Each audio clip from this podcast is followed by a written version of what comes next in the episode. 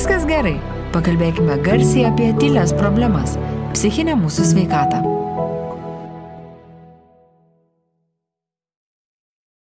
Sveiki, labai malonu, kad klausote. Su jumis vėl Eglė ir Neringa. Labadiena. Ir mes kviečiame šią valandą praleisti su podcastu Ai, viskas gerai. Noriu priminti, o klausančius pirmas įk supažindinti, kad šis laikas yra skiriamas pokalbėms garsiai, tylė tema apie psichinę mūsų sveikatą. Apie būsenas, kuomet paklausti, kaip gyvename, atsakome, ai, viskas gerai, nors iš tiesų gerai nebūna.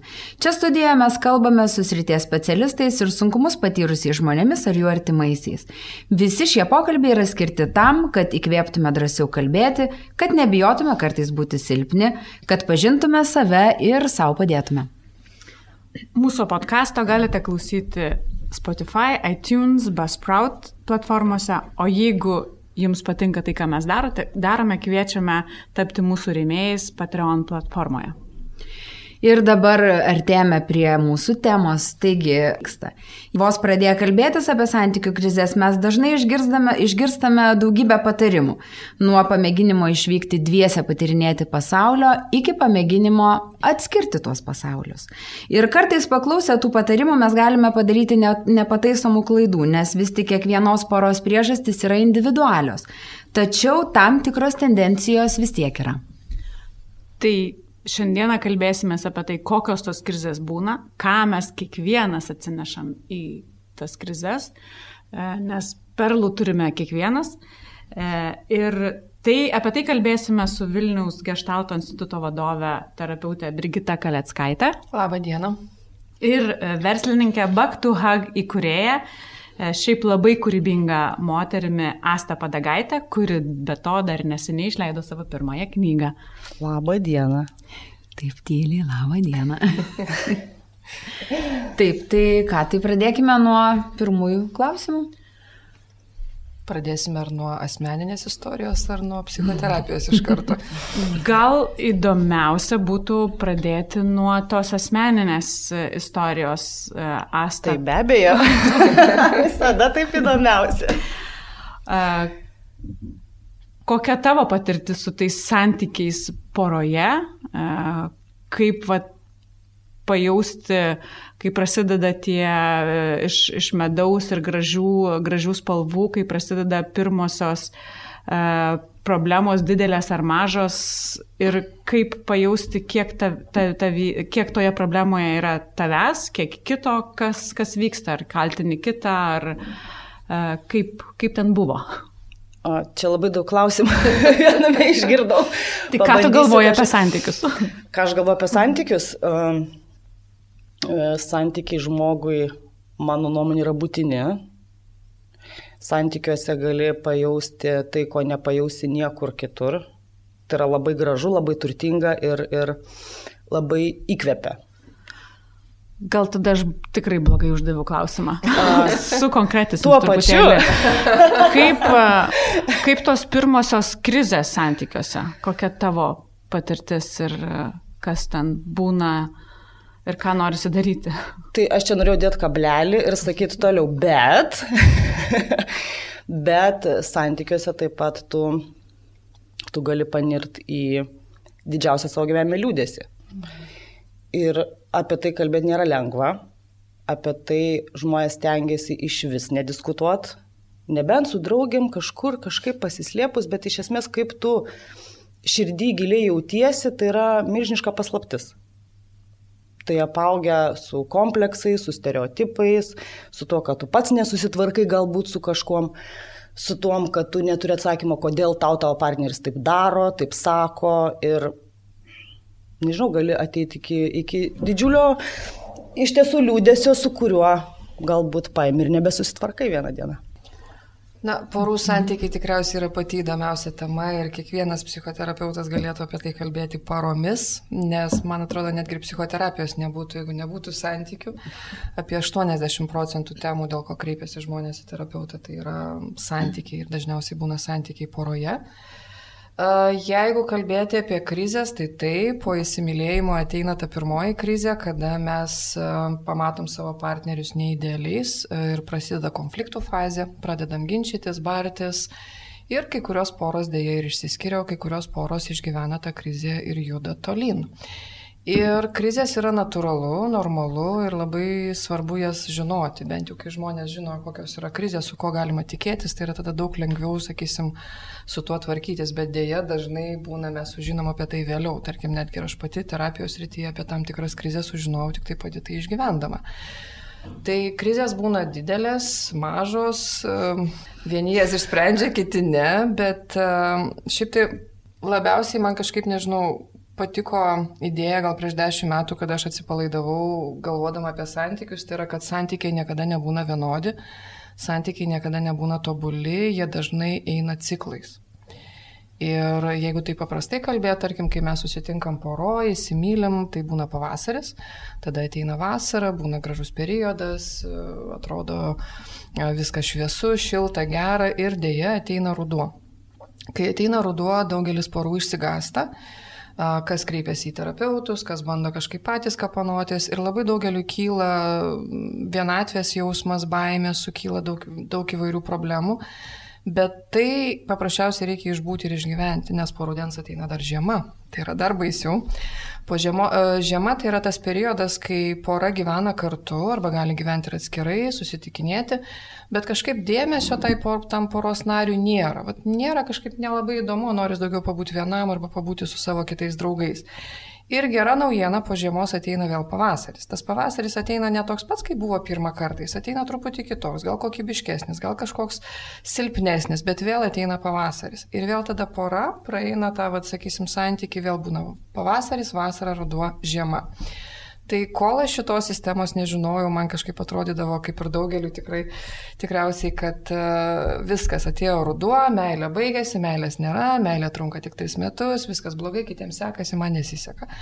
Bet kai sužinojau apie tos metų laikus ir pradėjau žiūrėti, stebėti tiek savo, tiek kitų gyvenimus, tai daug kas pasidarė daug paprasčiau ir lengviau.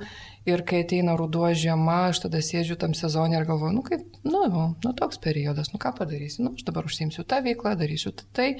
Ir žinau, kad paskui ateis pavasaris. Kai ateina pavasaris santykiuose ir būna vasara, tai tada vėl kars nuo karto pagalvoju, nu, mm, nu ateis ta žiema, bus. Bet tuo metu mėgaujusi, sakysim, vasarą. Ir labai daug porų dažnai užstringa rudenį arba žiemą ir jeigu neišsprendžia klausimų, tai ta tiesioginė žiema ir būna, būna šalti santykiai, daug nesusikalbėjimo, netgi visiško nesikalbėjimo. O jeigu žmonėm pavyksta kažkaip tą krizę praeiti, tai vėl ateina pavasaris. O kiek čia tie metų laikai trunka? Jo, labai įdomus dalykas, kad uh, santykiai, vėlgi, kadangi kaip, mes turim tam tikras tendencijas, žmonės yra panašus, bet kartu kiekvienas žmogus ir pora yra unikalūs. Tai kiek tai trunka, labai yra skirtinga. Pavyzdžiui, vienai porai tai gali per mėnesį. Gali būti ir pavasaris, ir vasara, ir ruduo, ir žiema. O tam tikrom porom gali būti ir metai, ir du, ir gali praeiti ilgiau. Ir kiek teko dalyvauti, sakysim, dalinti šitą, čia aš taip supaprastinus tą visą Taip. teoriją, paprašiau tokia, kad papasako mhm. apie metų laikus, tada daug aiškiau suprasti. Tai kiek žmonių žiūrėjo ir dalinosi tikrai labai įvairiai. Ir baisiausia būna suprasti, kai yra užstrigimas. Kaip pavyzdžiui, o mes jau ko rudenyje, pavyzdžiui, sėdim kokie trys metai arba žiemoje. Arba ten vienas poros narys yra vasaro ir bando kažkaip vis temti atgal tą iš rudenio žmogų atgal, o to padaryti neįmanoma. Paprasčiausiai tenka praeiti tą ciklą. Bet čia įdomu, o ką, vat, būtent, kodėl mes užstringam? Uh -huh. Vat kodėl tas ruduo per ilgai užstringa? Užtrunka ar, ar žiema? Užstringam čia? dažnai jau paskui dėl tų asmeninių dalykų. Sakysim, jeigu vienas žmogus, kaip žmonės turi visą laiką dilemą tokią, mes visą laiką norim būti santykiuose, bet mes visą laiką norim ir atsitraukti kad nuo, nuo gimimo, nuo, nuo, nuo pat vaikystės mes turim tą dilemą. Noris ir būti su žmonėm, noris ir pabūti vienam. Tai tas ta pati tendencija yra ir poroj, kad nuolat būti poroje, na, jeigu taip sėdė 24 valandas per parą visus metus, kažkurio metu irgi pasidaro bloga, per daug. Tai lygiai tas pats yra ir su tom, atsakysim, kaip dabar tas, kai atsitraukiam, kai atsitraukinėjom vienas nuo kito, tai vienas, pavyzdžiui, poros narys nenori atsitraukti. Ir tada kyla labai daug kaltinimų, problemų, bet tai būna dažniau ir asmeninės problemos, o ne kiek atkylančios poroje. Ir tada vėl kaip svarbu sueiti kartu. Ten jau tamsus miškas ir nėra taip paprasta suprasti. Tarsi vieno atsakymo, kodėl taip yra, nėra. Kiekvieną jau situaciją tektų žiūrėti individualiai ir aišku, tai labai turi įtakos praeitis, vaikystė, mūsų išmokti elgesio modeliai mūsų ankstesnės patirtis, tarkim, jeigu santykiai poroje yra ne pirmi, o treti ar penkti, mes galim pamatyti netgi tendencijas, ką mes kartojam, ant kokių greblių užlipam iš naujo, kad tai dažniausiai mes irgi atsinešam iš seniau. Būtent, nes susitinka realiai, susitinka du skirtingi pasauliai. Vienas užaugęs vienoj sistemai, vienoj planetoje, kitas kitoj planetoje, o tada tu turi sukurti iš tų dviejų kažkokią tą savo bendrą. Ir vat, tada, man atrodo, ir prasideda sunkiausi dalykai, nes tu žinai, kaip turi būti iš savo patirties, tavo žmogus žino, kaip turi būti iš jo patirties. Gerai, jeigu poros nariai susitinka ir plius minus turi panašias vertybės arba suvokimą apie gyvenimą bet dažnai būna, kad mes ieškom, nedažnai, bet būna, tarkim, kad ieškom partnerio, kuris turi kaip tik priešingas savybės, kurių man trūksta. Tai pirmus metus, du metus būna džiaugsmas, kai faina, sakysim, aš mėgstu kontroliuoti, o kitas poros narys mėgsta neapibrieštumą, tai viskas kaip ir atrodo gerai, nes aš galiu išmokti to neapibrieštumo. Deja, po metų, dviejų, trijų ta savybė pradeda erzinti neapibrieštumas, kad kodėl tas kitas žmogus irgi nekontroliuoja. Ir tada irgi prasideda daug konfliktų, kad Šiaip tai dažniausiai, kai poros kreipiasi į terapiją, viena pagrindinių temų tai būna, nežinau, kaip sakyčiau, valdžios klausimas, kurio tiesa yra tiesesnė. Jeigu pora E, sprendžia konfliktus ir jiems sunku yra išspręsti tuos konfliktus, tai labai dažna priežastis būna, kad ne, mano tiesa yra geriausia, ne, mano tiesa yra geriausia. Ir tada ilgai tenka kalbėtis, kad pamatyti to kito žmogaus požiūrį, kad galbūt ir jisai gali būti teisus, o ne vien tik tai įrodinėti, kad aš laimėjau, mano atlaikiau ir viskas. Aš žiūriu, Astas, tai linkčioje, linkčioje. Ne, aš dabar svarstau, kiek čia tas susiję yra su... su auklėjimu mūsų visų. Man toks, aš atvažiuodama čia svaršiau, mm, kiek įtakos daro tai, kad mes toks jausmas, didžioji dauguma buvom auginti tiems toksiškiams santykiams. Mergaitė iš karto graži, iš karto va čia virk, lelytės renk, berniukas tai aktyvus, tu lipk, bėg, būk stiprus, būk protingas. Ir tada, kai sustinka toks berniukas ir tokia mergaitė, tas berniukas jausdamas atsakomybę, kad jis privalo, pavyzdžiui, išlaikyti šeimą, grįžta iš darbo, sproginėjančiam smegenim nuo atsakomybės ir, ir galvoja, nuklausyk, gal tu norėtum irgi prisidėti. Ir sako tai mergaitai, klausyk, o tavo kokios ambicijos šiaip gyvenime yra. O mergaitė atmaišo sriubą, laiko vaiką su snargliu kosėjantį ir galvoja, mano ambicija yra išsimiegot. Pavyzdžiui. Ir šitie, ir šitie nestapimai, kiek jie turi įtakos mm, iš to vienodo auklėjimo mūsų.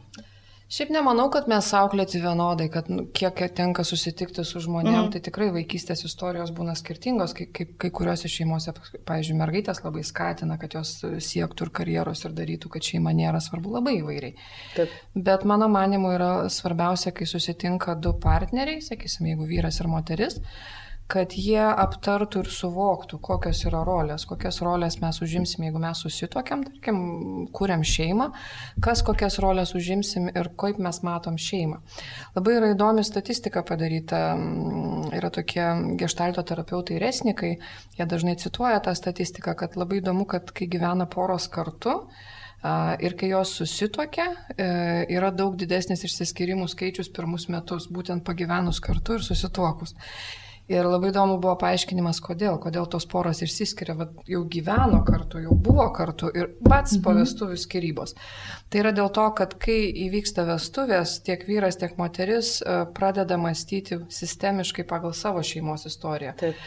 Kad tarkim, ką darė mano mama, kai jinai buvo žmona, arba ką darė mano tėtis. Ir tada abu šeimos, abu poros nariai pradeda elgtis grinai pagal tuos e, elgesio modelius, kurie buvo atsinešti iš šeimos. Ir aš pamenu pirmą kartą, kai šitą išgirdau, Resnikas, kai tai pasakė, buvo vienas dalyvis iš Amerikos, toks jau apie 80 metų pagyvenęs senukas ir sako, exactly, būtent taip ir man atsitiko.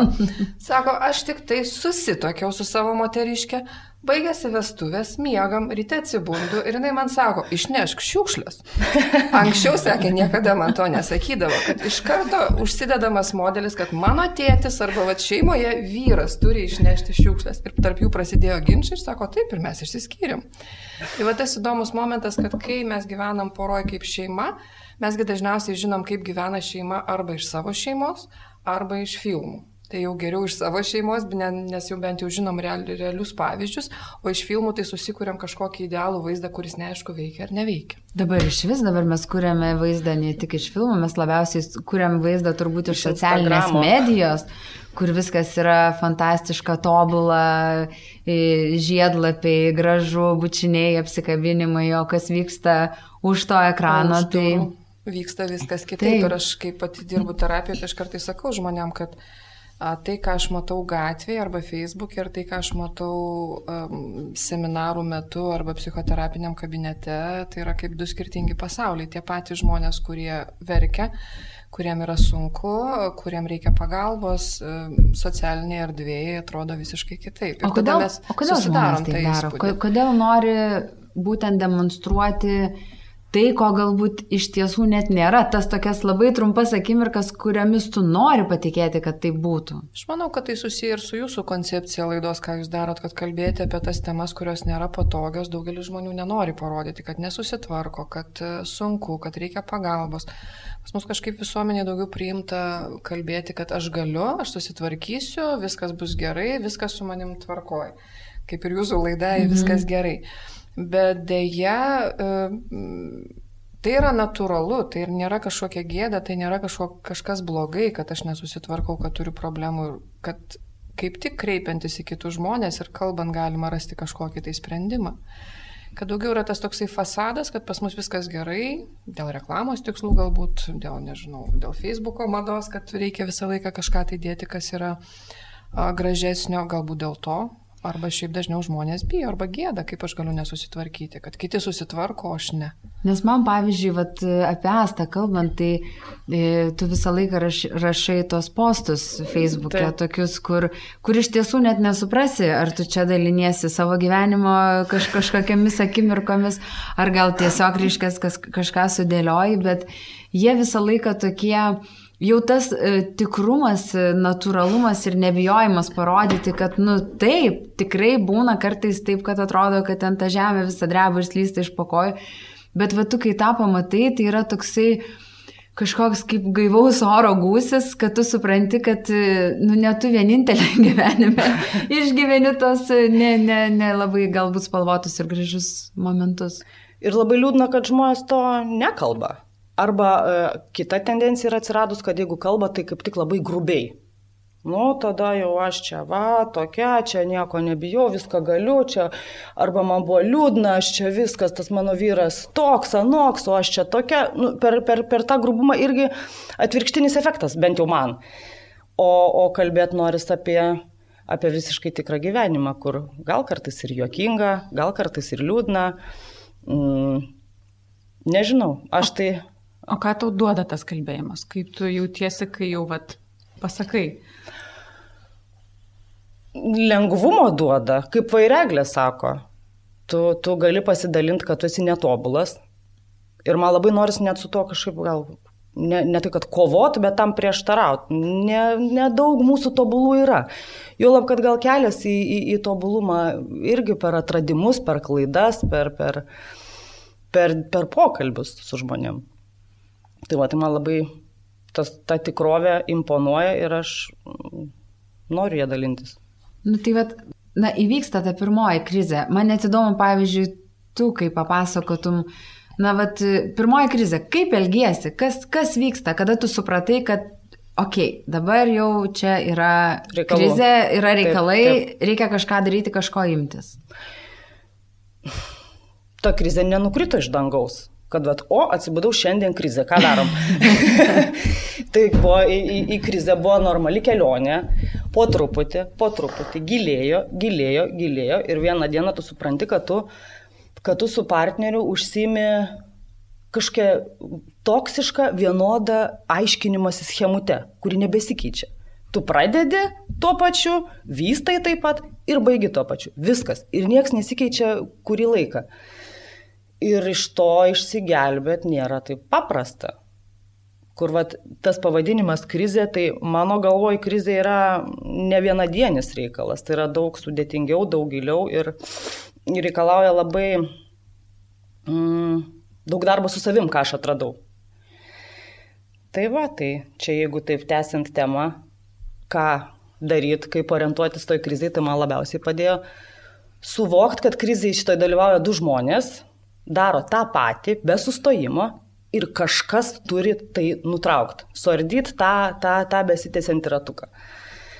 Tai va ir, ir aš nusprendžiau, kad aš pavargau, aš per liūdna, mm, aš nenoriu, kad man tai būtų, aš nebenoriu aiškintis, nes tai neveda absoliučiai niekur. Ir pradėjau gilintis, ką aš galėčiau pakeisti. Ir supratau, kad save pirmiausiai. Kaip nebūtų gaila. Ja. Labai gaila taip, nes aš ėjau į tą, ėjau ilgą kelią, aš skaičiau daug knygų, prisiskaičiau apie visokias ten neurozės, visas pritaikiau, aišku, partneriui. Pirma stadija. Tikrai radau. Bet tikrai mes visi vienodi. Sau neradau nieko tokio labai tinkamo. Tos knygos dar neparašė. Ne?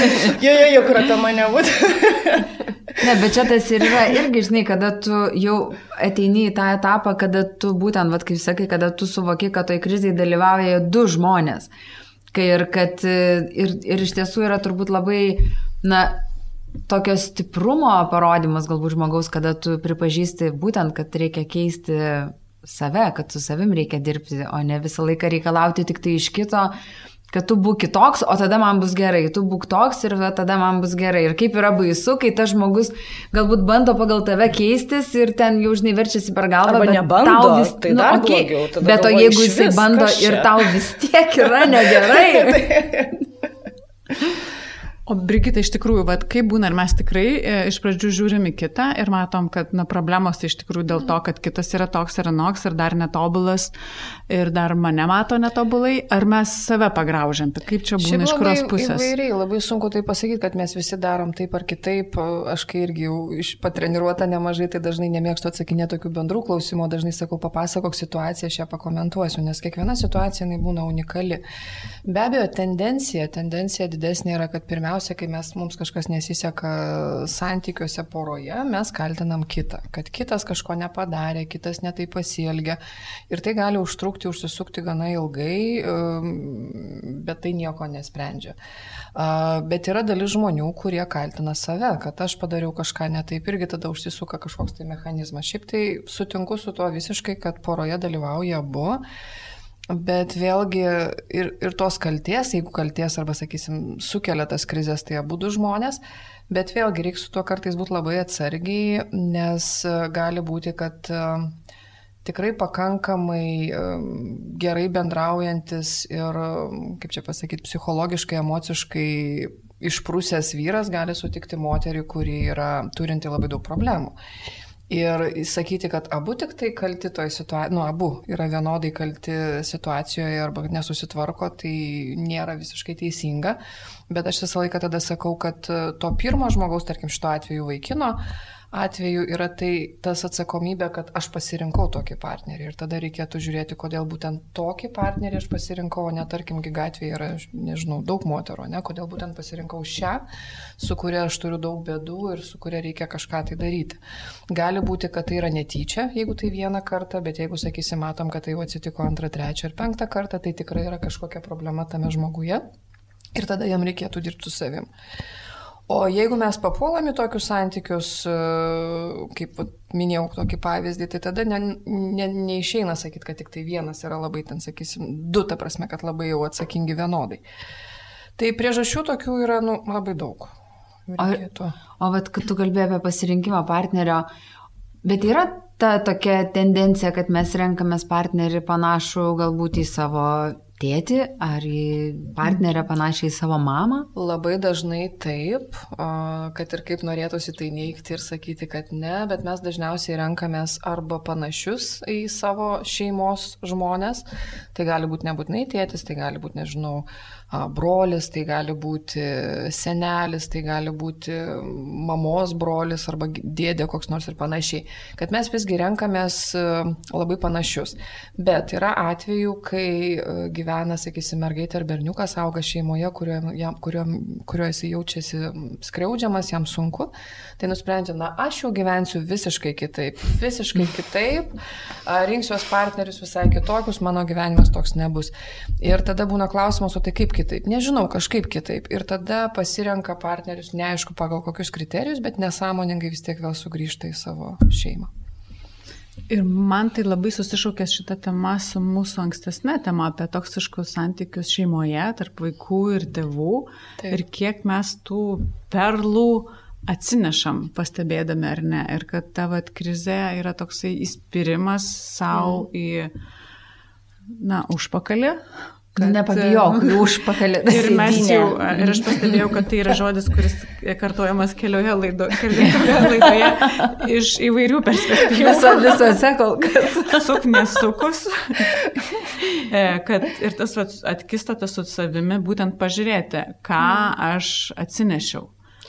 Šiaip tai manau labai svarbu apskritai suvokti, kas man yra meilė kiekvienam žmogui, nes nežinau kaip jum, bet tarkim, aš turėjau tą įsivaizdavimą, kad meilė, nu, tai turi būti aukštieji kalneliai. Turi būti nenobodu, turi būti linksma, turi būti faina, visą laiką įstra. Bet tai ir yra tikroji meilė. Na, kokia aš matau ten filmuose, matau kažkur tai pas kažką tai, bet neaišku kas. Ir aš kažkaip irgi turėjau tokį įsivaizdavimą, kad meilė tai turi būti visada gilus, stipru ir audringa. Ne?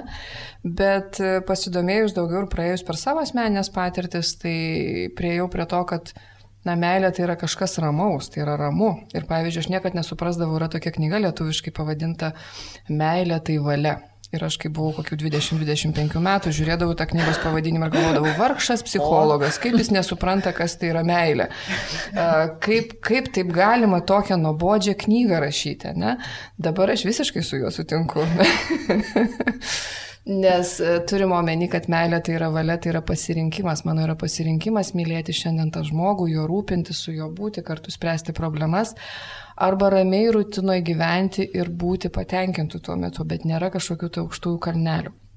Bet dėja mes aukštųjų kalnelių prisižiūrim savo vaikystėje kas netgi yra tokia tendencija, kad kas yra kilęs iš disfunkcinių šeimų, sakysim, kur, kur niekad nebūdavo, mes nematydom tos tokios paprastos ramios meilės tarp tėčio ir mamos, tai labai dažnai mes tada kartuojam tą patį modelį ir mums reikia tada aukštųjų kalnelių, tiek vyram, tiek moteriams atėjusiems iš tos šeimos. Tai šiaip labai gera knyga yra, kai, moteri, kai moteris myli per stipriai. Tai ten tiesiog e, žingsnis po žingsnio aprašyta, kokie būna santykiai, kodėl taip yra. Ir kai tik tai moteris arba vyras, tai tinka ir vyram, būna ir vyrų stipriai mylinčių ir su tais aukštaisiais kalneliais. Kai mes suprantam, kad meilė tai nėra tik tai ekstremalūs pojūčiai, kad meilė tai yra rūpinimasis ir buvimas kasdienojo rutino ir jautimasis gerai, tada ir pradeda keistis požiūris ir, ir partneriai kažkaip geriau gali sutarti. O tau lastą atitiko tavo meilės? Ne visiečių svarstau, kad man tai ne. Ne? Visai ne. Man tai meilė labiau susijusi su, su tokiu baziniu saugumu. Kad ten, kur tu, tu gali jaustis visiškai saugus ir ramus, ten ir yra tavo meilė kalnelių aš gyvenime taip prisorganizuoju. jau jeigu dar buvo kalnelių, kalnelių, aš suprantu, kad buvo tų kalnelių. Buvo tų kalnelių, bet tai čia gal apie, apie tą labiau mm, pozityviuosius tos kalnelius, kai ten ta meilės pradžia, kai draugeliai, draugeliai pilvės skraidžioje, kai tu sklendi ore virš žemės ir viskas yra nuostabu. Ir staiga jam slegia. Ir staiga jie atsitrenkia ir galvoja, o. Veidų žemyn. Veidų žemyn. Veidų žemyn. Pas mus specifinė situacija labai gavos, nes mes pakankamai greitai sulaukėm vaiko. Ir aš manau, kad uh, Tai nėra pats geriausias būdas pradėti santykius vis dėlto. Prieš tai būtų geriau įsiaiškinti, kas ką mėgsta, kas, ko, kas, kas kaip supranta šeimą, o tada susilaukti vaikų, bet kartais jie nesirenka. Ir aš, ir aš dėl šitos istorijos visiškai, visiškai neliūdžiu, aš labai ją vertinu, labai labai džiaugiuosi, kad taip būtent atsitiko. Ir per tą santykių kelionę ėjom sunkiai, labai.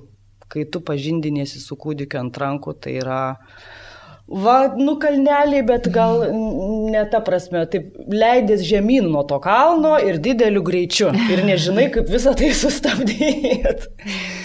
Tai va, ir, ir, ir atėjo tas momentas, kai aš galvojau, ne, ne, ne, ne, ne, ne, ne, sustokim, sustokim, pažiūrėkim viens į kitą, pasikalbėkim. Labas, kas tu? Labas, ne? kas Aš tu. Taip, Asta. ir jo, ir tada atėjo suvokimas, kad mes mm, sunkiai susikalbam.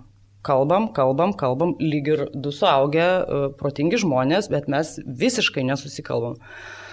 Ir vad kažkaip, kažkaip ir minėjau anksčiau, užsisuko tas toks aiškinimus ratas, kur tu neturi galutinio tikslo. Tu kalbės tik tam, kad pasikalbėt ir kalbės ne visada mandagiai, ne visada gražiai ir visada nerezultatyviai. Be išimties visada. Ir sakau, aš tai atėjau į tą momentą, kad, kad supratau, kad tiesiog reikėtų tą ratuką ardyti, nes nieko čia nebus, mes susišnekėti nepradėsim. Ir tai, tai buvo auksinis sprendimas, tiesą sakant. Nes tada dingo, dingo visas chaosas, dingo konfliktai ir buvo neramu, kad, kad viskas nusėdo ant žemės ir pasidarė tylu. Mes nebežinom, kaip vienas su kitu bendrauti ir ką reikia dabar sakyti bandai būti malonus ar mielas ir tai liktai kvailokai gal atrodo, nes čia taip jau nedarai labai daug metų va prieš tai. Bet iš esmės dabar atsisėdom ant tokių griuvėsių, kuriuos patys išsprogdinom, išdaužėm, išspardėm, sėdim nu, ir žiūrim. Bet va to kaip, žinai, bet iš tiesų tai yra labai svarbu, va, kai tu pradedi sakyti apie tai, kad uh, nusprendė ardyti tą ratą. Taip. Bet vis tik po to mes ateinam į tai, kad jūs abu du sėdėte ant tų griuvėsių. E, Tai kaip, Žinai, kaip ardant ir sprogdinant vis Taip. tik abiems atsisėsti ant tų griuvėsių ir bandyti pradėti statyti iš naujo.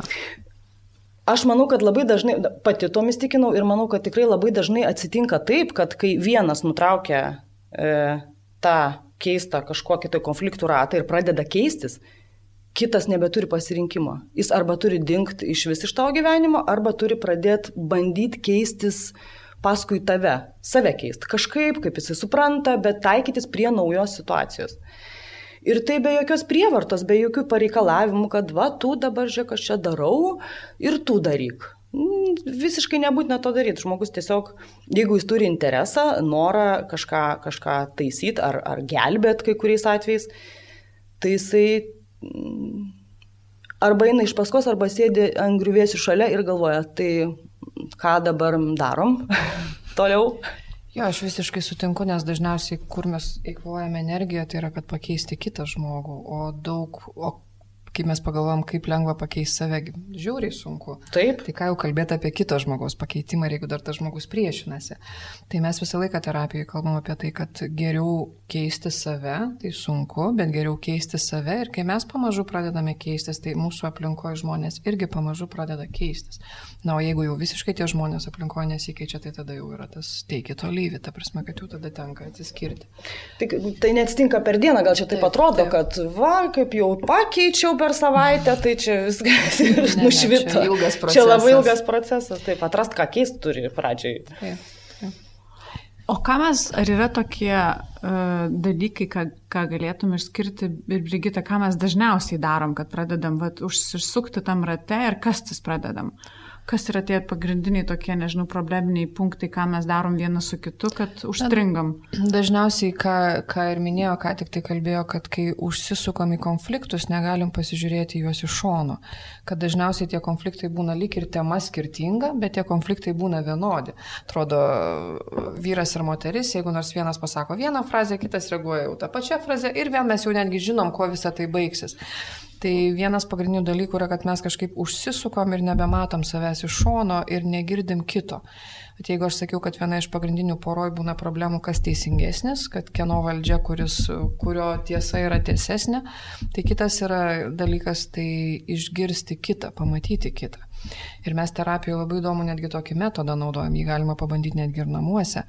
Tai kai sėdi pora, pasidalina vyras ir moteris, kas juos neramina, kokie yra sunkumai, ką jie norėtų, kaip jie mato situaciją. Tada aš sakau, pasikeiskit jūs dabar vietom ir susėskit skirtingai Ir ten, kur sėdėjo moteris, sėdasi vyras, o moteris mhm. sėdasi į vyro poziciją. Ir tada sakau, jūs dabar esate kito žmogaus pozicijoje. Papasakokit apie šitą situaciją, kas yra jūsų poroje, iš, vat, būtent, jeigu moteris, tai iš vyro pozicijų. Mhm. Tai yra pabūti kito žmogaus batose ir pamatyti, kaipgi kitas žmogus mato situaciją. Arba jeigu būna vyresnis vaikas, tarkim, ten 10, 12, 15 metų, sakom, o papasakokit dabar, vat, kaip atrodo jūsų santykiai iš to vaiko pozicijų, kaip jisai jūs mato. Ir kas įdomu būna, būna, kad kai kurie net lieka sukresti, vien tik pamatę tą vaizdą visai iš mhm. kitos mm, perspektyvos. Taip. Tai dažniau va, tas yra toksai, kad samoningumas, kad kaip pamatyti, ką aš darau, kokią aš frazę nuolatos kartoju, kas su manim vyksta, o dar dažnai koks procesas užsisuka. Tarkim, aš pareinu namo, susinervinu ir kažką sakau vyrui. Bet e, vyras sureaguoja ne į mane, o sureaguoja, kad jam kažkada tai tai sakė mama ir jisai sureaguoja į mamą ir reaguoja į mane su kažkokiu sakiniu, kaip kad reaguotų į mamą. Bet čia viskas nesąmoningai, ką pasakoju. Aš sureaguoju į jį, kaip, jisai, su, kaip reaguočiau į savo tėtį ir hop, atgal kažką. Tai ir tas toks procesas užsisuka ir ten jau paskui nebeatsirinksi, kur ten yra frazės sakomos man, kur mamai, kur tėčiui, kas su kuo barasi ir apskritai gal dar iš viso šiandiena buvo su vadovu bloga, gal ten dar šitam pokalbį ir vadovas dalyvauja. Tai netgi yra toks posakis jokingas. Paraleliniai pasauliai. jo, labai daug paralelinių pasaulių vienu metu ir yra toks jokingas posakis terapijoje, kad jeigu mylisi du, Tai lovoje yra šeši. okay. Kažkaip nesinori. Tie, tie, tie, kiti, tie kiti keturi, tai jau kaip minimum yra tie, tėčiai ir mamos du. Oh. ir kad jo, jie, gal čia taip neskamba. ir, ir kiek daug įtakos jie daro mums tai, kas vyksta čia ir dabar šiandien. Net pauzė. Net aha, net. Ne, aš galvoju, kad kažkaip mano mama supas, kad namuose. Išsigandot, kad tėčiai mamos irgi kartu. Kadangi mūsų podcastas savaitgalį pasileidžia, tai kažkaip norisi dabar nuo šitos temos kažkur nueiti. Nieko, mes galim iškirpti pauzės, jeigu ką. Man kažkaip vis tiek norisi vat, grįžti prie to pastebėjimo, kur, vat, kur aš čia, kaip pastebėti, kad aš čia vat, atsinešu savo, nežinau, mamą ar viršininką į savo, į savo diskusiją. Nu, tam reikia lab, nu, labai daug darbo. Ar tai pastebėti, tai nu, atsitraukti, pažiūrėti į save. Yra kokie nors lengvesni metodai kaip tam? Neįsivaizduoju labai lengvų metodų, nes, nu, na ir man pačiai, tarkim, ir treniruojantis, ir mokantis, e, pra, reikėjo praeiti nemažą kelią, kol aš galėjau pamatyti, ką aš darau, kaip aš dabar elgiuosi, kas tai yra apie mane, kaip aš galiu pasielgti kitaip. Tai yra žiauriai sunku. Bet tu gali fiksuoti, aš pavyzdžiui, tikrai esu ir vaikam pasakiusi, ir vyrui savo pasakiusi, kad vat, jeigu aš vėl taip sakysiu, Tai prašau, va, sustabdyk mane ir pasakyk, kad tu vėl elgiesi taip, kaip ten kažkas. Ta prasme, vis, va tokį, ne, nes jau žinau tam tikrus momentus, kurie man nepatinka, bet aš tiesiog jų kol kas niekaip negaliu sukontroliuoti, bet vat, radau vienintelį tą kontrolės būdą, tai perspėdama kitus, mhm. kad... E, Kažkokį čia... stop ženklą taip, įsivesti taip, taip, arba taip, taip, pačiam matant, kad, o, aš būna kartais pati matau ir sakau, o, aš dabar darau taip ir taip, gal galim kol kas sustoti, aš nusiraminsiu ir pratesim vėliau. Taip. Bet čia būtent yra tas, tas tokio, nu, savo toksiškumo pamatymas. Taip. O kaip tau buvo, kai pamatėjai, kad lenda iš tavęs kažkas, Demonai. ką tu atpažįsti ir kaip vat, buvo tas, tu prisimeni vat, momentą, kai tu pamatai, kad nu, čia kalba Asta ar čia kalba kažkas ir kad nu, čia tikrai aš sakau? Buvo, buvo tas momentas ir man nebuvo klausimas, ar aš čia tikrai taip sakau, man buvo šokas, kad aš taip sakau. aš niekada gyvenime anksčiau taip nesakiau, dabar aš taip sakau tai skamba baisiai ir aš taip sakyti nenoriu. Pas mane va, buvo tas toksai...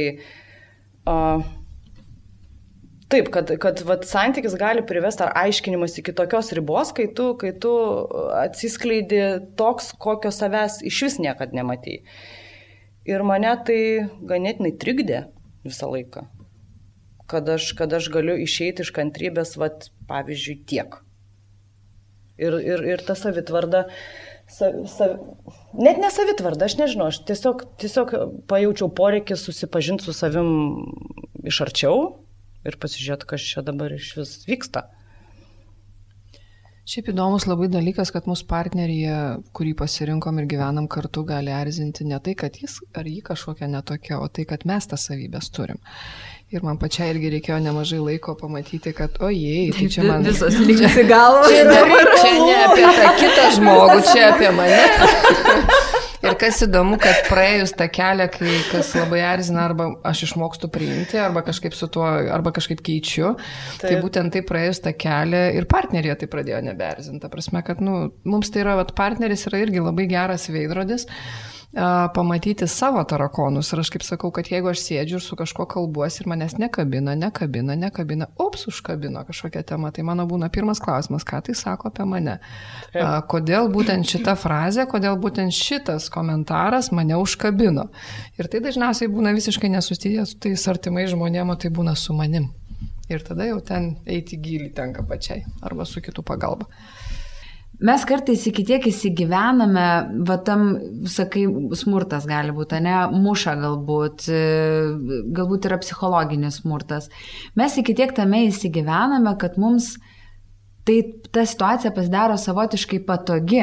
Mhm. Ir vat mes kaip tik su Asta kalbėjom apie tai, kad e, kaip reikia galbūt atsakyti į klausimą, kodėl tau ta situacija yra patogi Ir tada tu ją gali užbaigti, nes iš tiesų mes tikrai būname, mes mirkstam toj baloj, mes mirkstam, mirkstam. Yra santykiai jau ne tai, kad yra krizė, yra iš tiesų kažkokie toksiški baisų santykiai, kuriuose tau yra labai sunku gyventi, tu negali kvepuoti, tu negali būti, tu grįžti namo, tu bijai, nes e, jau žinai, kad bet kada tu susipyksti, bet vis tiek tame sukiesi nuolat, nes tu esi įpratusi galbūt būti, nežinau, ta auka tokia. Mm. Ir tada vat, reikia atsakyti klausimą, kodėl tau yra patogu būti auka. Ar kaip, kaip, kaip vat, čia, vėlgi, čia vėlgi labai tokie būna įvairūs atsakymai. Tai gali būti dėl to, kad galbūt aš auka buvau ir vaikystėje ir man tai yra įprasta, galbūt aš mamą mačiau aukos vaidmenį ir man tai yra įprasta būsena. Uh, galbūt, tarkim, moteris ar vyras neturi darbo ir finansiškai jaučiasi silpnai arba bijo gyventi vienas, kartais vienatvė atrodo žmogui tokia baisi, kad geriau gyvensiu tokiuose santykiuose negu kad išsiskirti. Tai labai įvairių priežasčių gali būti, bet kartais žmonės taip užsisuka, kad tikrai ar iš baimės, ar dar iš kažko net nemato savęs Tai va čia būna ta dilema, kai mes dažnai diskutuojam su, su seminarų metu, tarkim, kada sakyti draugiai ar draugui. O, tą patį dabar norėjau paklausti. Kaip tu gyveni tokiuose mhm. santykiuose, o kada nutilėti. Tai aš visada klausiu, sakau, taip, mes visų, kaip visų santykių neišgydysim, žmonės pasirenka patys ir patys renkasi ir iš jų išeiti iš tų santykių ar ne.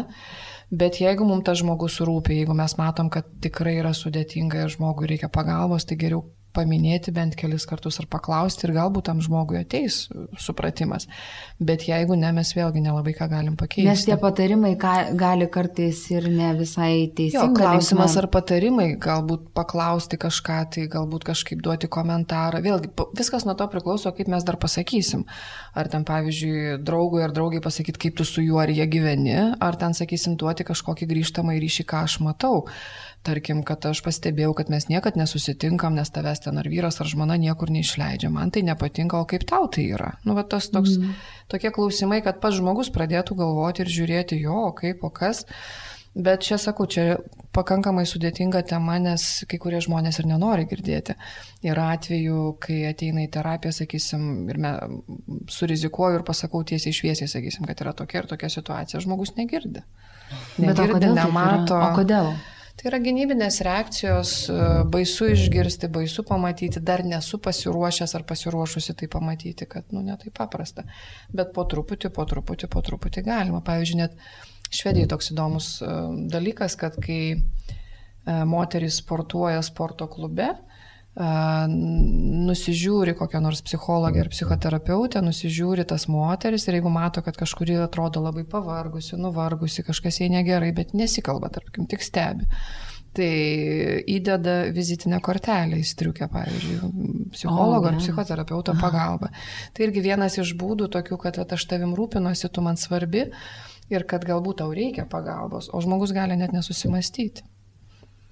Nu, Taip, nes aš ir pagalvoju, kad būna tikrai kartais moteriškai atsisėdi, pasišneki, pasišneki ir kartais ne, ne, nepagalvojus žerti tuos patarimus, tai iš tiesų gali labai sugriauti Taip. vi- visą tai, kas vyksta, nes gal dar yra pakankamai pataisoma, bet mes mėgstame kartais tą savo nuomonę tokią primesti. Ir... O būtent terapijos kabinete tiek vyrai, tiek moteris, kai būna krizėse, tai jie jaučiasi jau ir taip yra jausmas, kad, o, aš nesusitvarkau, aš čia man kažkaip nesigauna. Ir kaip tik dar irgi guodžiasi, kad va, pasidal... negaliu su nieko pasidalinti, arba jeigu pasidalinu, tai visi šoka iš karto duoti patarimus. Kaip tu gali, aš tai tavo vietoj daryčiau taip ir taip. eičiau, kaip bėgčiau. Kaip o, o padaryčiau. kai būna, kai sako, nu baigtų, taigi toks fainas, taigi, Taip, nu taip. tikrai jau, ar tikrai jau čia šitaip jisai ir ką, tada tai tada tikrai užsidarai ir nebenori kalbėti visiškai. Taip, ir dėl to, vat, o dažniausiai, ką aš girdžiu kabinete, tai sako, kad aš noriu palaikymo, noriu išklausimo, noriu, kad mane išgirstų, kad ne, ne, ne, nebombarduotų tais tokiais patarimais ir kaip tu taip gali, arba aš tai tavo vietoj daryčiau taip ir taip. Kad kaip tik užsidaro dar žmonės. Nebūt, tapsime, tai gali būti nebūtinai patarimai, tai gali būti, netgi jeigu tai nėra smerkimas, e, aš galiu tai primti kaip smerkimą. Mhm. Taip. Kaip tavo buvo, kaip tu reagavai, vat, e, nežinau, draugų aplinkos, nežinau, patarimus, pastebėjimus.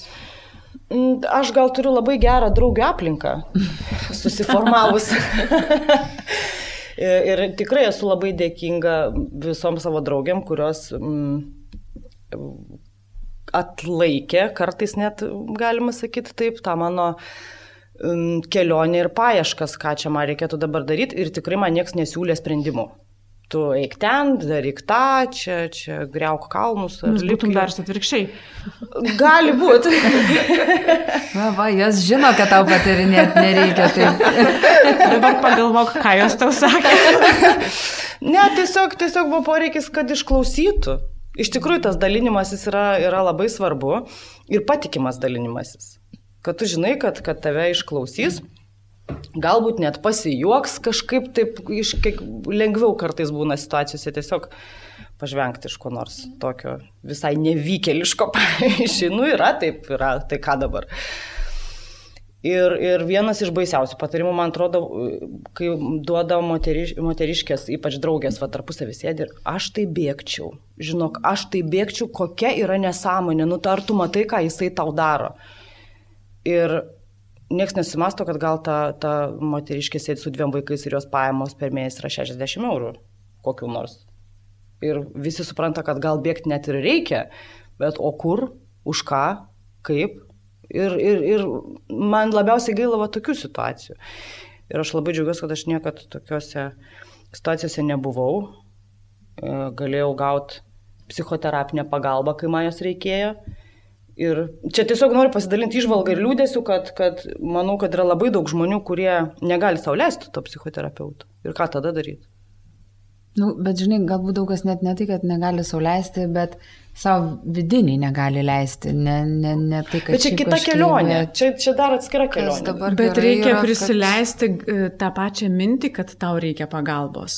Nes Jeigu- gali, būti, gali būti dar atrodyti, kad, nu, esu teisi ir aš labai ilgai atrodo, kad aš tai čia, ta prasme, esu teisi ir čia visi aplinkui nieko nesupranta. Ir va tas kelias iki Tai terapeuto taip, dar aišku, yra toks taip, yra- kasimasis po save. Ne, kad... ne, menkas gabaliukas iki terapeuto apskritai Šiaip tai dabar labai jau daug knygų yra išleista ir lietuvių kalbą tikrai gerų knygų apie santykius galima kažkaip skaitant, atrodo, kad nusipirkau knygą, nežinau kodėl apie santykius galima taip pradžiai pataikyti. Bet tikrai yra gerų knygų ir galima netgi per knygas, beskaitant daug ką stebėti, matyti, va, tai, kaip paminėjai, kad jeigu kas negali kreiptis į specialistą ir neturi, tarkim, draugų aplinkui, tai bent jau yra tas būdas, kad knygos dabar tikrai lietuviškai išleista labai daug gerų pasis, pasiskaityti.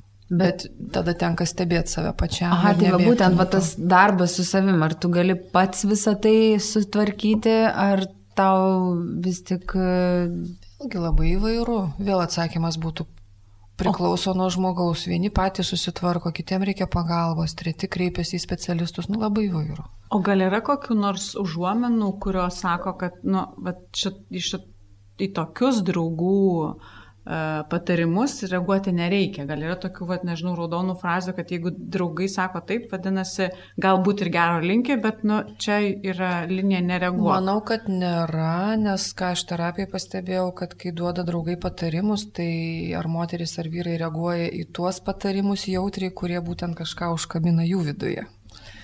Tai tokio kažkokio specifinio patarimo, šiaip kaip aš sakau, visą laiką Aišku, kas yra labai sunku, kai žmonės yra krizėje, niekada jie nežino, ką dabar daryti geriau. Ar išsiskirti, ar būti kartu, ar kažkaip tvarkyti tuos santykius. Ir dar bloga naujiena, kad kai jie ateina pas specialistus, specialistai irgi nežino, mhm. kad tai specialistai tik tai gali padėti žmogui išsiaiškinti. Bet tarkim, yra kai kuriuose paradigmuose terapijos, kad kai ateina vyras ar moteris į terapiją ir sako, nežinau, ar skirtis ar ne, tai net yra susitarimas, kad okei. Okay, dirbkime 10 sesijų arba 5 sesijas, panalizuokim tavo situaciją, bet kol kas jokio sprendimo nepriimsi. Yra netgi tokį susitarimą daro.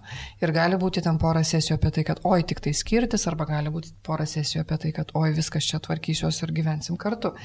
Ir kas įdomiausia, kad ir kas blogiausia, kad uh, nėra vienareikšmiško atsakymo, kada geriau bėgti iš tokių santykių, o kada geriau juos um, statyti. Nes dar yra ir kita tendencija, mes daugiau kalbam apie tai, kad krizė ir kaip ją išspręsti ir pabėgti, bet ir arba per ilgai mes joje sėdim, bet yra ir kita tendencija, žmonės susiduria su pirmais sunkumais ir nori bėgti. Tai aš dažnai irgi būna papasakoju apie tą pavasarį, vasarą, kad mm -hmm. ir kaip aš sakau, eina ciklais, ciklais ir jeigu jūs išsiskiriat ir susitinkat kitą žmogų, dažniausiai susitinkat panašų žmogų, nežinau, ar jūs matėte tokią tendenciją, bet ar vyras ar moteris, kai išsiskiria su savo partneriu, labai dažnai susiranda na jeigu ne fiziškai, tai nežinau, kažkaip kitaip labai panašų partnerį. Tai aš visą laiką sakau, kad jeigu jūs nedirbsit su savim, nematysit savo elgesio modelių, tai jūs sutiksit tą patį ir vėl kartosit mhm. tas pačias klaidas. Gyvenimas stums tol, kol išmoksim pamokas. Taip, ne? taip. Kad kai papuolam į krizę, tai dažniausiai galim savo užduoti klausimą, kad ką šitą krizę nori mane išmokyti, ką aš turiu išmokti, kad eiti toliau. Žiauriai nepatogus klausimas. O tu, tu pasakojai apie tam tikrą, reiškia, terapiją, kurią galima namie pasidaryti, ar ne? Nu, va, ta, kaip susikeisti vietomis. Taip. Kokių yra dar? Yra dar kažkokių tokių metodų, kuriuos galima būtų išbandyti namuose, vad porai, nežinau, surašant kažką, kalbant kažkaip, vad kažką darant kažkokiu tokiu. Jo, būdų tai yra labai daug, galima daryti įvairius kažkokius, nežinau, uh, Teko girdėti, kai kas daro, pavyzdžiui, kartą per savaitę susėda ir pasikalba. Išsikalba vienas, paskui išsikalba kitas. Turi kažkokių susitarimų. Šiaip tai labai gerai, kai įsiveda kažkokias taisyklės, o kokiu būdu mes spręsim problemas, kaip tu jas norėtum išspręsti. Mm, daug yra kūrybinių dalykų, pavyzdžiui, kad ir tas apie pavasarį, vasarą, rudenį, tai jeigu kitam partneriui paaiškint, kas tai yra tie metų laikai, galima paklausti, o žiūrėk, dabar va čia yra keturi metų laikai, kur tu mus matai šiai dienai mhm. ir kur aš matau mus šiai dienai. Ir tai irgi būtų pradžia kaip ir diskusija apie tai, kad kokie yra santykiai. Mm, yra daug, nežinau, piešimo įvairių užduočių, Knygas galima kartu skaityti. Vėlgi, pagrindinis dalykas, kai yra krizė, tai yra dviejų partnerių noras išlipti iš tos krizės. Jeigu nors vienas partneris nenori, tada yra sunku. Netgi ir į terapiją, kai ateina, mes visą laiką klausim, ar jūs norit kažką daryti ar ne. Jeigu abu nori kažką daryti ir keisti, tada tikrai galima kažką tai bandyti, žiūrėti ir kažkur tai stumtis toliau. Bet jeigu vienas ateina, sako, man negerai, o kitas sako, man viskas gerai, aš problemų neturiu, tai tada krizė toliau lieka, ta prasme, jinai neišsisprendžia savaime. Ne, tas... O tai kas, kas lieka tada tam žmogui? Ką daryti? E, jeigu vienas nori spręsti, kitas ne, įvairūs būdai bandyti kažkokiais tai būdais, jeigu nesinori išsilakstyti, arba po kažkiek laiko tenka pasitraukti. Na, jeigu kriziai, kriziai metai 2, 5, 10. Tačiau klausimas, kiek laiko tai kriziai norima sėdėti. Bet realiai, jeigu Kito žmogaus nepriversim. Jeigu keisti. esi toj žiemoj ir jau atrodo, kad dabar šakės ir tos naktis visada bus trumpos ir bus visą laiką žiauriai šalta ir nefaina, tai realiai turbūt reikia pirmiausiai pabandyti tą sunkia, su, sunkiausią žiemą pragyventi. Ir vienas pagrindinių dalykų yra kalbėtis. Labai daug nesusipratimų poroje ir, ir krizių ir konfliktų būna dėl nesusikalbėjimo. Pavyzdžiui, ar vyras ar moteris nusprendžia, kad šiandien pareisiu namo ir ten, nežinau, Vyras eina namo ir galvoja, va šiandien aš valgysiu kugelio, o moteris net nežino, kad tas kugelis šiandien turi būti ant stalo. A, pareina vyras, piktas kugelio nėra, piktis kyla, kugelio nėra ir prasideda konfliktas. Arba moteris irgi labai dažnas atvejis, va noriu gėlių, ne? Ir va, nu, turi būti kažkur ant kaktos parašyta, kad aš noriu gėlių ir tas vargšas vyras turi suprasti, kad aš noriu gėlių. Ne, jisai nesupras, jeigu moteris kažkaip neiškomunikuos. Ir vienas, vi- kugelio. ir, ir vienas visą gyvenimą laukia kugelio, o kitas O kita visą gėlių. Gyvenimą- Ir va čia prasideda krizė, ta prasme. kuri vėliau gilėja. O, o jeigu žmonės būtų abu pasišnekėję iš anksto apie gėlės ir kugelį, galbūt į krizę nebūtų įkritę. Net atėjęs, krizė nebūtų. Tai vienintelis būdas kalbėtis. Vienas pagrindinis. Ne vienintelis, bet vienas pagrindinis. Bet jeigu nesusikalbė. Jeigu nesusikalbi, bandyti kažkokius kitus būdus. Šiaip tai yra netgi ta paprasta elementari knyga Penkios meilės kalbos. Jis pradžioje tikrai labai knyga, padeda. aš visiems absoliučiai Jinai- rekomenduoju visą laiką ją perskaityti. Taip lengvai taip. ir paprastai parašyta, bet būtent tinka visiškai visiems, kad galima bent jau tada pasižiūrėti meilės kalbą. Nes jeigu, tarkim, vienam partneriui svarbu yra sutvarkyti namai ir būtis, o kitam yra ten kelionės ir, ir, ir nežinau, arba kažkokie jausmai ar dar kažkas, ir jie jau niekada nesusitiks, nes jie vienas iš kito lauks visai kitų dalykų. Tai bent jau tą knygą paskaičius kažkaip atrodo paprasčiau susidėlioja, ten labai supaprastinta viskas, bet pradžiai, kad suvokti tikrai padeda kad ko nori kitas žmogus, aš kaip, at, jeigu vienas iš dalykų yra kalbėtis, tai kitas dalykas yra pabūti kito žmogaus vietoje, ko tas žmogus mhm. nori. Ir labai įdomus būdas yra, šiaip labai rekomenduoju visiems tai daryti ne tik su savo partneriais. Kaip pavyzdžiui, jums sunku suprasti savo vyrą arba žmoną, tai jūs pabūkit pusvalandį tuo vyru arba žmona. Pavaikščiokit taip, kaip vyras vaikšto, išgerkit kavos, ar ten jisai išgeria arbatą, a, kaip jis dabar galvotų, ką jis dabar kalbėtų, pabūkite juo nors pusvalandį, galit namuose, jeigu nedrasu mieste. Gali įdomi. Šiaip atrodyti. būtų žiauriai įdomu. Ir Taip, Pasitenkit įdomu- neišprotėti. Ir labai įdomu suprasti, ta prasme, kad tai yra, nu, vat, priartina mane prie suvokimo. Šiaip taigi ir aktoriai tą patį daro, kai pabūna kitose vaidmenyse, o mes terapeutai irgi dažnai būnam tų klientų vaidmenyse. Ir tada mums yra lengviau suprasti kitą žmogų. Tai va tokiu žaidimo forma galima irgi geriau suprasti savo partnerį. Kaip jisai masto, ką jisai galvoja. Tada Kas tau padeda suprasti? Tai apie ką čia ir buvo ką tik kalbėta. Iš tikrųjų, mm, atėjom abu prie suvokimo, ko reikia vienam, ko reikia kitam. Prie suvokimo, kad gal nelabai daug davėm to, ko reikia, davėm visai kitokių dalykų. Ir gal viena iš priežasčių nesusikalbėjimo yra šita. Ir reikia galvoti, kaip atliepti nors, nors dalį tų žmogaus poreikių, nes kitaip neverta turėti santykių, jeigu tu vienas su kitu sėdi žiūri ir, ir visiškai nekontaktuoji jokiais klausimais. Jo, kai duodi tai, kas tau atrodo, kad jam reikia. Va tas yra, žinai, kur tu galvoji, kad, nu va, va šito, va jam reikia ir tada žiūri gerai. Ir tu duodi, duodi, duodi, o jisai sako, bet aš kugelio noriu, blemba. nu. taip. Arba O tu ten jam dar vis tik. Taip, o tu ten jam ir troškinį, ir barštelį, ir kotletukų. O aš tai kugelio norėjau. Kugelio žmogus Aš iš tai, aš tai dar dabar kažkaip atkreipiau dėmesį, kad mes kažkaip daugiau tokia nuėjom į analizę, į supratimą, į kalbėjimą, galvoju, dar yra ir jausmai, ne, ta prasme, yra Taip. jausmai, yra prisilietimai, yra ir seksualinis gyvenimas, kuris turi didžiulę įtaką poros santykiam. Tai va šitą faktą, šitą, šitą sferą gyvenimo irgi svarbu neužmiršti, nes kartais tai, kad trūksta prisilietimų, tai, kad trūksta apsikabinimų, tai, kad trūksta, sakysim, sekso iš partnerio, tai irgi gali būti visiškai išlysti per visai kitas pusės ir konfliktus ir kad svarbu atkreipti dėmesį ir į šitą pusę, kad jinai irgi yra labai svarbi ir nereikia jos pamiršti. Nes, čia pavyzdžiui, vėlgi- jeigu vienam partneriui norisi daug apsikabinimo, o kitam ne, ir jau iškart konfliktas užprogramuotas. Taip. Bet čia jokio kito būdo nėra, jokios žaidimo, kaip tu sužinosi, čia ir elementariai atsisėsti ir Kalbėtis. pasakyti, Ne, arba ne, suprasti ne. pačiam, ko tu Šito vien nori ir ko tau neužtenka, šiaip irgi labai įdomus dalykas. Pavyzdžiui, jeigu vienas žmogus yra labiau jausmiškas ir nori liesti dažniau kitą, o kitam nereikia, bet kai susipažįstagi visi labai nori vieni kitus liesti, liečiasi. Ir tada yra labai sunku suprasti, ar mes sutampam ar ne. Ir dažniausiai pirmi metai ar du būna, kad o sutampam, valio, kokie mes čia laimingi. Bet po kokių kelių metų išriškėja būtent modelis, sakysim, kad tarkim, pavyzdys gali būti arba vyras, arba moteris, nesvarbu, kaip tik nemėgsta prilietimų, o vat, būtent tuo metu, tuo periodu įsimylėjimo, kad buvo galėjo tai daryti. Ir tada atsiranda didžiulė problema, kad palauk, tugi buvai kitoks ar kitokia, mhm. kas dabar atsitiko ir tada užsi, užsisuka konfliktai ir jau pokalbių neužtenka. Tarkim, gali būti vyras ar žmona iš šeimos, kur niekada nebuvo, nežinau, apsikabinimai, niekada nebuvo rodomos ašaros, o kitas partneris yra kaip tik iš šeimos, kur yra daug jautrumo, apsikabinimo, fizinio kontakto ir tada vėl gali būti didžiulė gali būti didžiuliai konfliktai ir krizės, nors supratime ir pasikalbėjime viskas tvarkoj.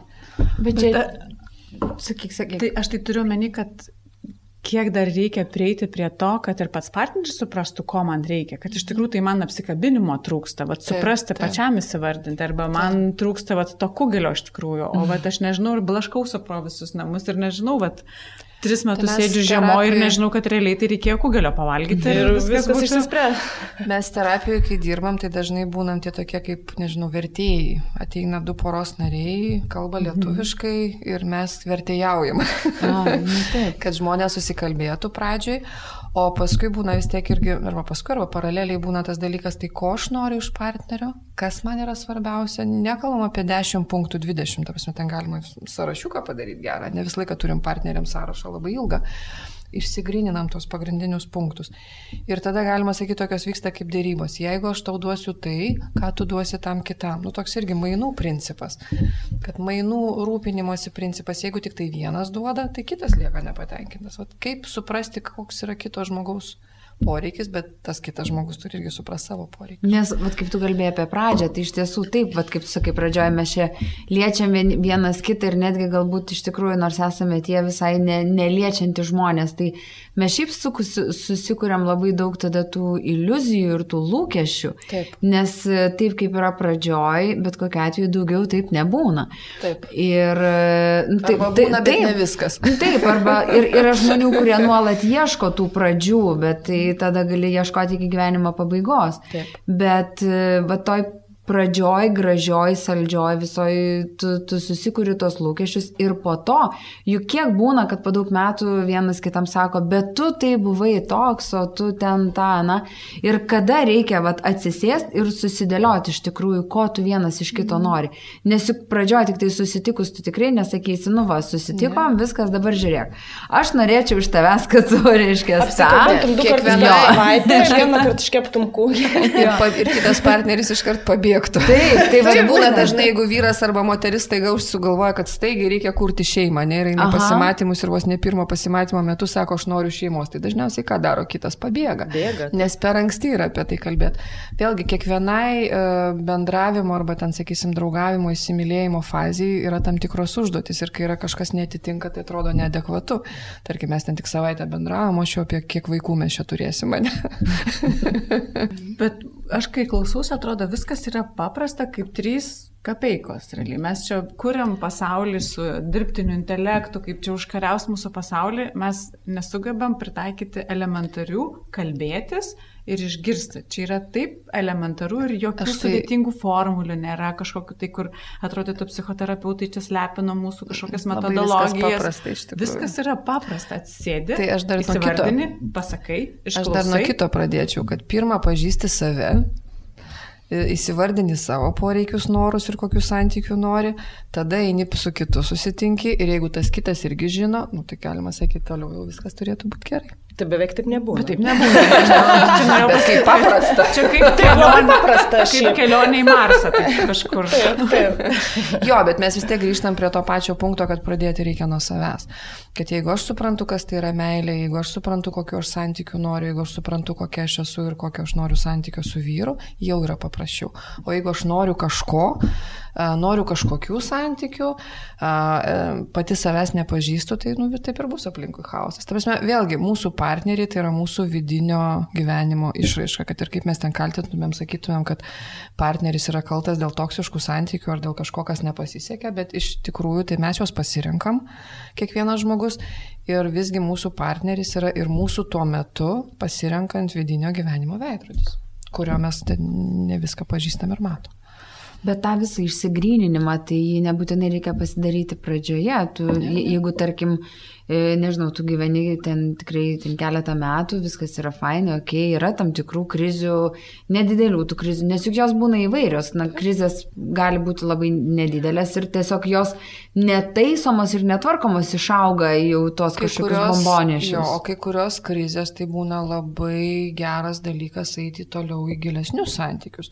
Tarkim, nežinau, kaip būna, arba vaikai pradeda į darželį, viena tokia iš mažesnių, ne krizių, kai reikia priprasti vaikai, eina į mokyklą, vaikai palieka namus, gal didesnė tokia krizė, bet tada galima arba išsiskirti, pavyzdžiui, jeigu vaikai paliko namus, arba kaip tik ta pora pradeda dar kitaip bendrauti, dar giliau, dar intensyviau ir kažkaip vat, atranda vienas kitą. Tai čia vat, niekada nežinai. Krizės reikalingos ir kartais po krizių mūsų santykiai būna poroje dar geresni. Mhm. Nebūtinai tik tai blogi. Jo, aš iš tikrųjų dabar pagalvoju, kiek aplinkoje yra žmonių, kurie yra įveikę tikrai labai sudėtingus dalykus. Taip, taip. Ir po to, kai išlipa iš visos tos krizės, Taip. tai jie sako, žinai, va šita krizė tai buvo geriausia, kas įvyko mūsų gyvenime. Ir dažnai, dažnai tai būna, pavyzdžiui, su neištikimybėm, kai kurios poros, jeigu turi kokį pirmą atvejį su neištikimybė, nesvarbu ar iš vyro, iš moters pozicijos pusės, ta prasme, tai labai būna pereina, kaip tik atsiveria labiau, bendrauja labiau ir suartina, aišku, per skausmą, bet suartina vėl porą būti Mhm. kartu. Bet yra poros, kurios kaip tik po šito karto daugiau ir nebegali būti kartu ir išsiskiria. Taip kad, atsakau, kiekviena poros situacija yra labai unikali. Tai, o jeigu, pavyzdžiui, įvardinti brandžius santykius, ko, ko, kokie jie yra? Taip iškart pirma reakcija buvo, kad brandų santykiai gali būti tik su brandžiai žmonėms. okay. Tai visų pirma, tie nuo du poros, jo, visų pirma, tie du poros nariai, Tų, kurie kur nebūna. Taip, tie du, kurių nebūna, sustinka ir kuria brandžius santykius. Nėra taip, kad nebūna. Yra, tai nėra visiškai tik tai, kad nepasiekiama. Ta prasme, kad gali būti du brandus žmonės ir jie susitinka. Vėlgi tai yra, kad aš suprantu savo poreikius, suprantu kito žmogaus poreikius, rūpinuosi kitų žmogumi, tas žmogus manimi rūpinasi, domimės vienas kitu. A, laisvalaikis praleidžiamas kartu, bet kartu ir galėjimas būti atskirai. Tas toksai būtų, kad brandumas tai yra ir galėjimas būti vienam, ir galėjimas būti su kitu. Šiaip netgi pats Erikas Fromas toj paprastoje knygelėje Menas mylėti yra parašęs, kad nei vienas žmogus negali mylėti pilnai, jeigu jis negali būti vienas ir nemyli savęs. Nemyli savęs tą gerąją prasme, kad a, jeigu kas turi idėją ir iliuziją, kad mano partneris padarys mane laimingu ar laimingą, tai yra nesąmonė. Tai yra tik taip pat žmogus gali padaryti save laimingu ir partneris arba bus šalia laimingas arba ne. Bet daugelisgi turi tą mintį, kad e, aš laimingas ar laiminga būsiu tada, kai šalia bus partneris, ar ten mane padarys laiminga. Taip nėra. Mes kiekvienas atsakingi už savo laimę ir jeigu mes galim ją susikurti, tai ir kiti žmonės bus šalia aplinkui. Brandus. Ai, viskas gerai. Pakalbėkime garsiai apie tylės problemas - psichinę mūsų sveikatą.